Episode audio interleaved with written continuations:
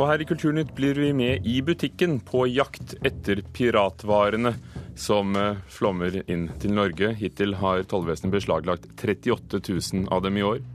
Heltinnen fra Hunger Games herjer på kino, men Hollywoods kvinner sliter både foran og bak kamera, viser en ny gjennomgang av de 500 mest suksessrike Hollywood-filmene. Og Anushka Shankar på sitar, datter av Ravi Shankar-legenden, har med seg søster Nora Jones på ny plate, som vi anmelder i Kulturnytt. Som du hører her i Nyhetsmorgen i NRK, med Ugo Fermariello i studio. Tollvesenet har altså så langt i år beslaglagt over 38 000 kopier av merkeklær, klær, vesker og andre varer. Ifølge tollvesenet flytter handelen med piratkopierte varer seg i stadig større grad over på internett. Samtidig går en piratdetektiv på jakt i Oslos butikkhyller. Er det jeg kan hjelpe dem da. Ja, ja, ja jeg skal se bare jeg nå. Ja, det er greit. Det er så mye bra merker her. Vi er på piratjakt med privatetterforsker Jon Christian Grøttum. Han har jakta på falske piratkopierte varer i over ti år. En butikk uten firmanavn som har dukka opp i Oslo, har vekka mistanke hos Grøttum. De selger billig, men dette er jo ikke noe billigmerke, det òg. Grøttum, som tidligere jobba i Kripos, sjekker klesprodukter og spør om leverandører. Men noe av det viktigste er kanskje denne såkalte taggen, hvor du finner en del opplysninger og her har du også en barcode da, som sier noe om hvor produktet er lagd. Ja da. Dette så jo greit ut. Altså det selges jo piratkopier stort sett på internett i dag. Og piratkopierte varer som bestilles på nett, må fort innom her. Tollbygget på Gardermoen. Så langt i år har tollvesenet beslaglagt mer enn 38 000 uekte varer. Men om du har bestilt piratkopierte julepresanger, slipper de mest sannsynlig gjennom. Her ser du det er eh, et par eggs til. Det er ett par. Her skal vi se hva det er for noe. Også eggs. Piratkopierte vintersko av merket Uggs, joggesko fra Nike og Mulberry-veske blir pakka opp av Miriam Bauer, første tollinspektør i tollvesenet. Dette er gjengangere hos tollvesenet. Men en ny type varer har dukka opp i årets julehandel. Altså, den store slageren eh, i år er jo Nicer Dicer. Grønnsakskutter, og den har vi fått inn i hopetall nå rett før jul. Tydeligvis en populær julegave. Så langt har tollvesenet konfiskert alle falske Nicer Dicer grønnsakskuttere de har kommet over. Tollerne mener kassen med grønnsakskuttere overgår det en trenger til privat bruk, og videresalget av piratvarer er ulovlig. Men de falske uggsa blir pakka inn igjen og sendes videre til den som har bestilt dem. Sånn som eh, norske regelverk er nå, så vil jo de som er privatpersoner, vil jo få det utlevert når det ikke er mer enn at vi tror at eh, det skal selges videre. Eh, et par sko f.eks., det er jo ikke til videresalg. Tilbake i den navnløse butikken har Grøttum avslutta piratjakta for denne gang, uten resultat. Han tror det blir vanskelig å få bukt med piratindustrien, men til de som vil sikre seg mot å kjøpe falske julepresanger, har han følgende råd. Hvis du ser på pris, så er kanskje det også et viktig signal. For er det for godt til å være sant, så er det som regel det sa privatetterforskeren til reporter Kristin Forland. Kristoffer Vedal, styreleder i Norsk forening mot piratkopiering. Hvor store økonomiske tap har eh, bransjen i Norge pga. piratkopiering? Jeg kan i hvert fall si at de er store. Vi sitter ikke på tall. Eh, dette er opplysninger som rettighetshaverne ofte ønsker å holde tett inntil brystet. Men på verdensbasis så har man klare tall på at dette er en milliardindustri. Og det vil jo da si at de taper det tilsvarende. Og Ifølge OECD så forsvinner 2,5 millioner arbeidsplasser hvert år pga. piratindustrien og tyveri av patenter og rettigheter. Hva vet dere om hvem som står bak? Det vi har eh, indikasjoner på, eller ganske klare bevis på fra bl.a. Interpol og Europol, er at dette er organisert kriminalitet. Både i produksjonsledd og særlig i import og omsetning. Så hva kunne dere tenke dere at uh, norske myndigheter gjorde? Vi etterlyser jo en mer aktiv eh, politikk fra regjeringen. Vi etterlyser også mer ressurser til politi og påtalemyndighet, som etter modell fra Sverige kan få dedikerte ressurser. Egne statsadvokater, egne etterforskere og, og koordinatorer som, som, har kun fokus på den type kriminalitet. For i dag så er det nærmest ikke noe fokus på det i det hele tatt. For tidligere i år så ble jo loven endret, og strafferammen for å, stå bak piratkopiering ble økt uh, betraktelig. Var ikke det nok? Vi mener at det var jo en skjerping i riktig retning, men at man var for forsiktig i tilnærmingen. Eh, strafferammen i Danmark er til sammenligning seks år, og i Norge så er den nå normalt ett år, men tre år under særlig skjerpende omstendigheter. Men det skal veldig mye til. Eh, så vi syns jo at det var bra at loven ble skjerpet, men vi etterlyser eh, kanskje en strengere skjerpning. Også en drøftelse av at dette skal bli forbudt for vanlige forbrukere.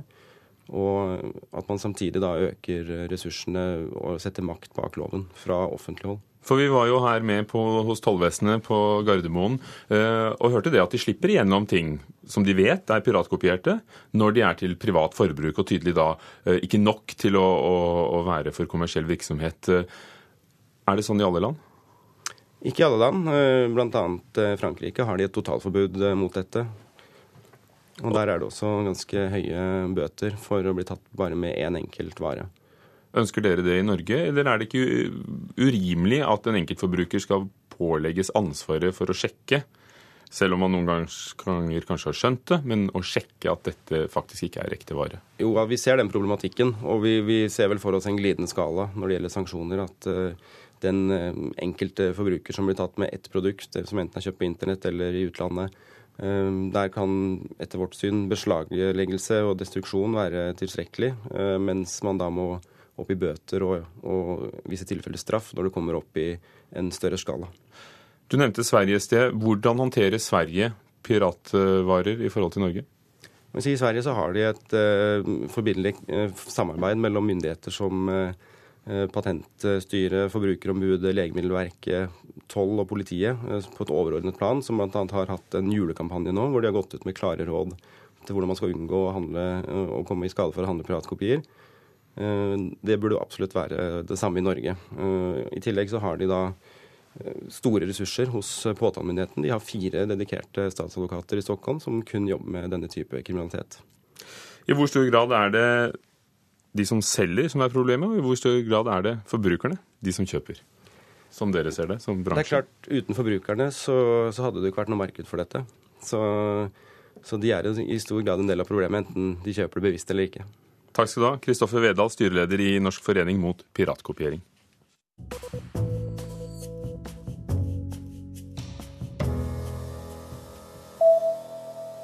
I dag faller dommen i saken mot stjernedanseren som sto bak syreangrepet på Bolsjoj-ballettens sjef Sergej Filin i januar i år. Aktor i Moskva er bedt om ni års fengsel for Pavel Dmitrisjenko, mens flere av danserne har nå undertegnet et opprop om at han skal få en mildere straff. Maksimalt risikerer han tolv år i fengsel. Dmitrisjenko har innrømmet at han ville skade Filin, og at han ga en av de medtiltalte klarsignal til å angripe ham. Han nekter derimot for å ha godkjent bruken av syre i angrepet. Here comes the story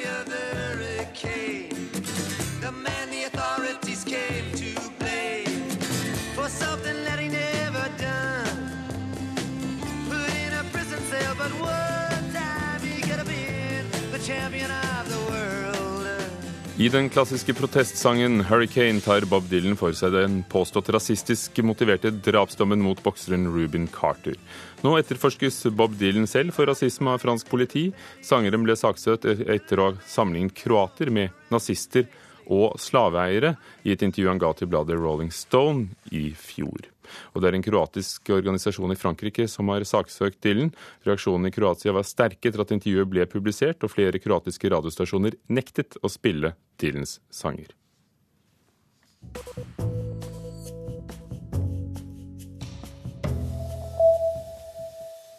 Regjeringen vil kutte pressestøtten til aviser med et opplag på mellom 4000 og 6000 eksemplarer. Endringen som nå er sendt på høring vil bety en innsparing på til sammen 13 millioner kroner. Endringer av pressestøtten har vært varslet, men dette er det første konkrete forslaget som kommer på bordet, og konserndirektør Stig Finslo i A-media er overrasket over at endringene kommer allerede. Jeg er overrasket over hvor eh, målrettet man går løs på en liten gruppe aviser som er eh, sårbare. A-media er konsernet som driver flest lokalaviser her i landet, og flere av avisene Stig Finslo rår over, vil bli rammet av kuttet. Han hadde ønsket seg en mer gradvis nedbygging av pressestøtten. Fra regjeringens side er det et bevisst valg å gjøre støtten mer målrettet. Derfor kommer denne justeringen allerede nå. Statssekretær Knut Olav Åmås i Kulturdepartementet sier følgende i en kommentar til Kulturnytt. Gruppen av nummer én-aviser og aleneaviser med opplag mellom 4000 og 6000 eksemplarer har samlet sett god økonomi. Derfor vil vi heller bruke de 13 millioner kronene disse avisene får i dag, på aviser som trenger det mer.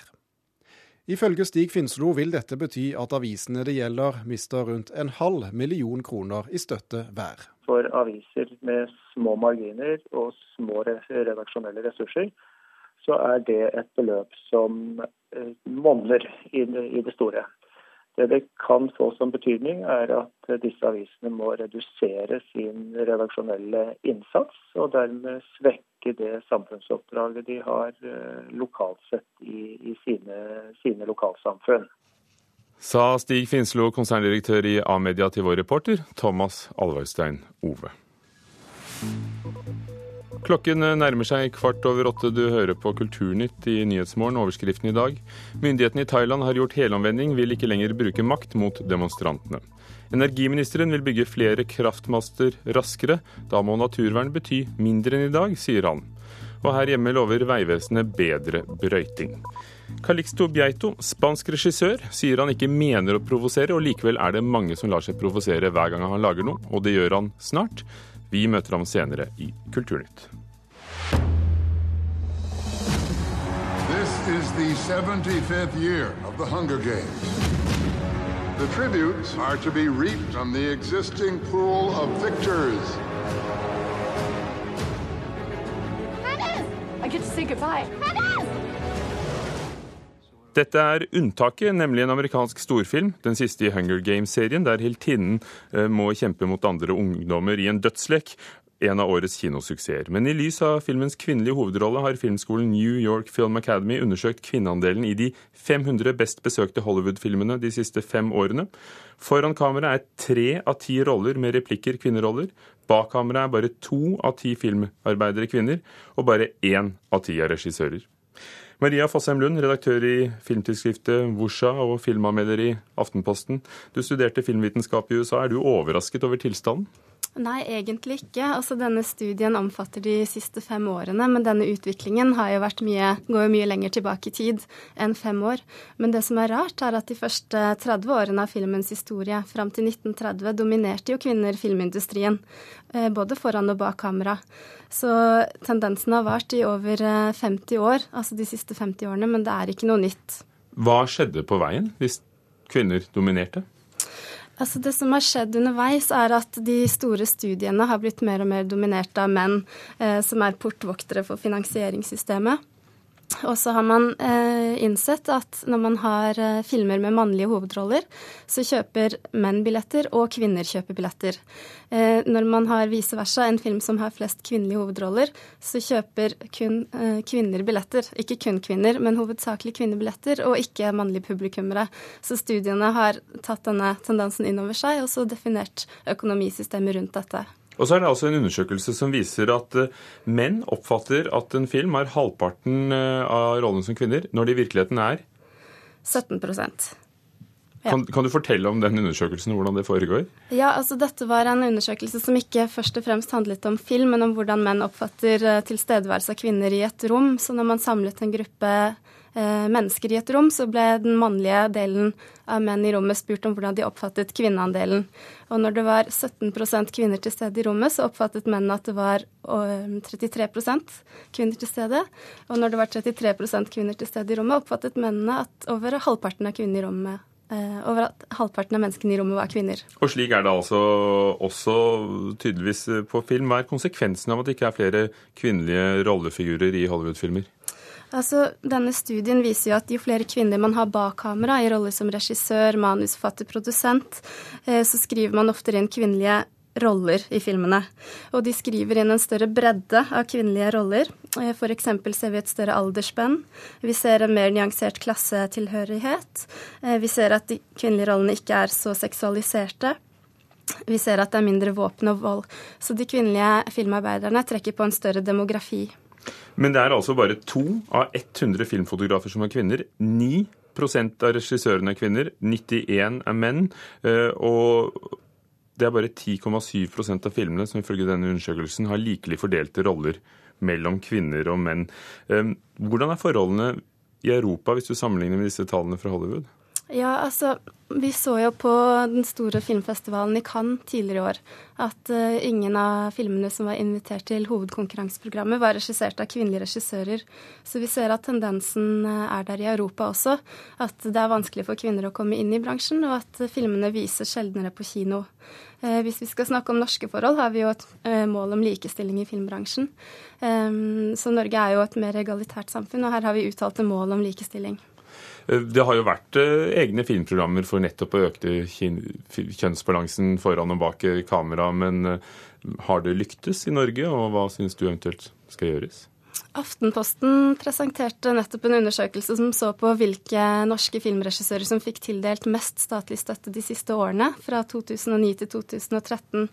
Og der var det en helt tydelig tendens at den store pengepotten gikk til de mannlige filmskaperne. Så kun tre av 20 regissører på den lista var kvinner. Men der er det en diskusjon. Skal det kvoteres, eller skal man bare se på materialet som kommer inn, og ikke tenke på hvem som står bak? Hva mener du?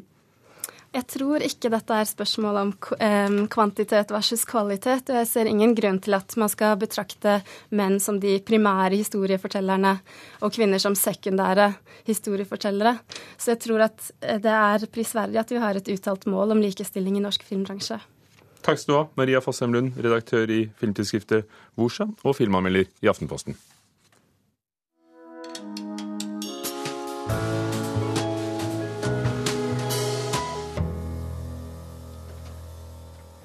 Nylig kom platen 'Traces of You', spor av deg, til Norge. Det er indiske klassiske toner i en populærmusikalsk innpakning.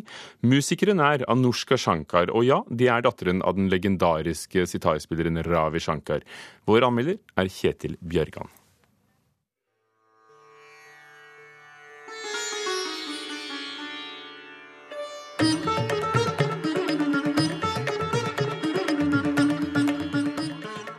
Er sitaren som driver denne musikken framover. En langhalset lutt, kjent i India siden middelalderen, med navn fra persisk setar oversatt til tre strenger. I dag er den et høyt utvikla instrument, vanligvis med 18-19-20 strenger. Bare 6-7 av dem spilles på. Resten klinger med som droner, eller som understrenger, og former den karakteristiske klangen.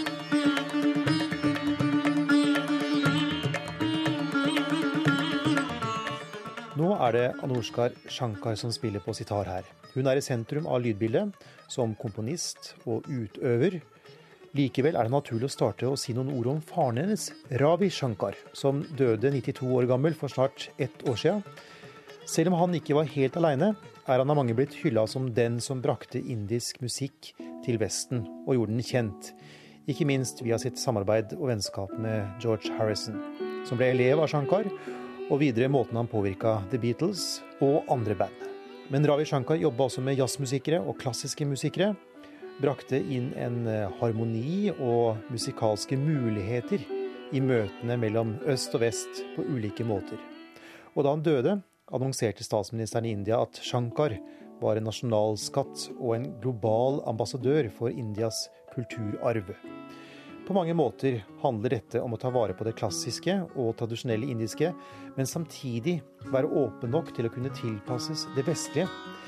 I grunn er det akkurat det Anushka Shankar gjør, og på denne plata er hun uttalt inspirert av faren sin, og dedikerer mange av melodiene til ham. The sun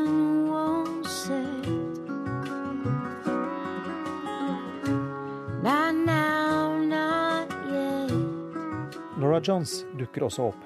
Verdens mestselgende kvinnelige artist med sin soul, jazz, country-inspirerte sangstil. Ravi Shankars datter, halvsøsteren til Anushka. Og i tillegg et kraftlag av medmusikere som spiller på tradisjonelle indiske instrumenter, som eh, rytmeparet tablas og strengeinstrumenter tanpura, i uanstrengt samspill med piano, gitarer og klokkespill bl.a. Øst møter vest på en harmonisk måte Gjerne med mye av det nok mange lyttere vil tenke på som indisk musikk, altså med en rytmikk og spillemåte som går i en ganske tradisjonell retning. Andre ganger må Shankar skru til sitaren sin for å passe med f.eks. et eh, piano. Vi hører en eh, litt temmet sitar, likevel en improviserende musikk som gjerne leker rundt pianotonen. Enkelte ganger blir likevel litt for pompøst. Musikken reduseres til effekter i sitt forsøk på å nå veldig mange lyttere. Jeg hører også det gode håndlaget til produsenten Nitin Sony, som eh, også er med som eh, programmerer og arrangør. Jeg kjenner igjen mange av finessene han er kjent som. Måten musikken overraskende går fra den ene sjangeren til den andre. Den rytmiske virtuositeten men også faktisk måten avansert musikalsk opphav og muligheter blir forenkla og tilgjengeliggjort. Kanskje naturlig for en som er født i England med indiske foreldre.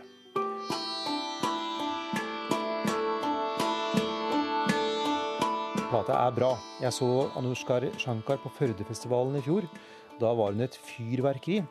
Denne gangen er også hun og bandet hennes fortsatt det, men i tillegg neddempet og gjennomsiktig der små klanger og detaljer også får plass.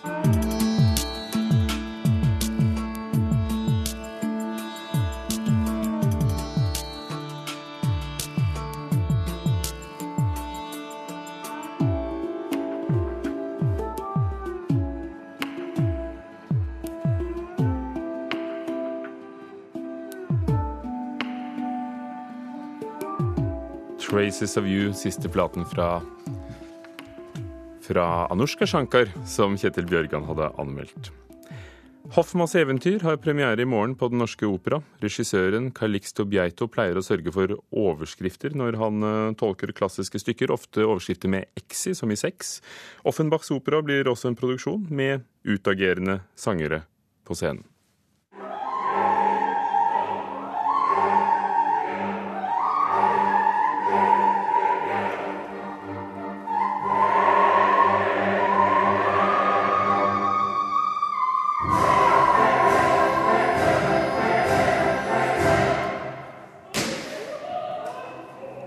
En orgasme i operaform av en sopran utkledd som sexdokke. Denne veka har Hoffmanns eventyr, regissert av Calixto Bjeito, premiere på Den Norske Opera. På generalprøven var pressa invitert med overskrifta 'Ekstremteater'. Og i Dagsavisen har operaen allerede ført til saka med tittelen 'Seks dukker inntar scenen'. Kulturnytt lot seg lokke, men operasjef Per Bøye Hansen er ikke med på at kontrovers skal være agn for publikum. Nei, eh, det at vi går ut med budskap og forteller at dette blir en fantastisk flott forestilling, det, det, det håper vi selvfølgelig skal gjøre at folk blir litt eh, lokket, eller at de blir trigget til å gå, da. Den spanske regissøren er kjent for å lage scenekunst utenom det vanlige. Og stykket hans skaper ofte overskrifter pga. sex og vold som sentrale element på scenen. Bjeito blir omtalt som operaværet sitt svar på Quentin Tarantino, men den sammenlikninga er han ikke særlig nøyd med sjøl. Kontrovers er ikke i mitt arbeidsvokabular, men om det er kontrovers folk forventer, håper jeg jo ikke de blir skuffa, sier han. Under Festspillene i Bergen har han sett opp en blodig versjon av Brand, et Per Gynt der Dovregubbens hall er en sexklubb, og Mozart som en skarp kommentar om dagens sexindustri. Alt med nåværende operasjef Hansen som oppdragsgiver. Vil vi få den type reaksjoner nå? Nei, jeg tror absolutt ikke det. Jeg kan, kan nesten ikke tenke meg at det vil inntreffe i det hele tatt. Men det er aldri meninga å provosere, sier Bjeito. Well, it's just my, my heart. It's my emotions. It's my, it's full of myself there. For meg er det ikke kontroversielt. Det er bare mine kjensler.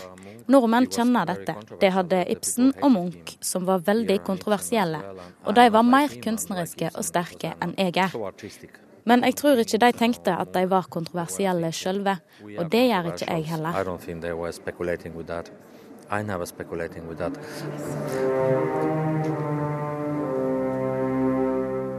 Jacques Offenbach sin eneste opera handler om kunstneren Hoffmann sitt forsøk på å flykte fra røynda ved hjelp av alkohol og fantasi.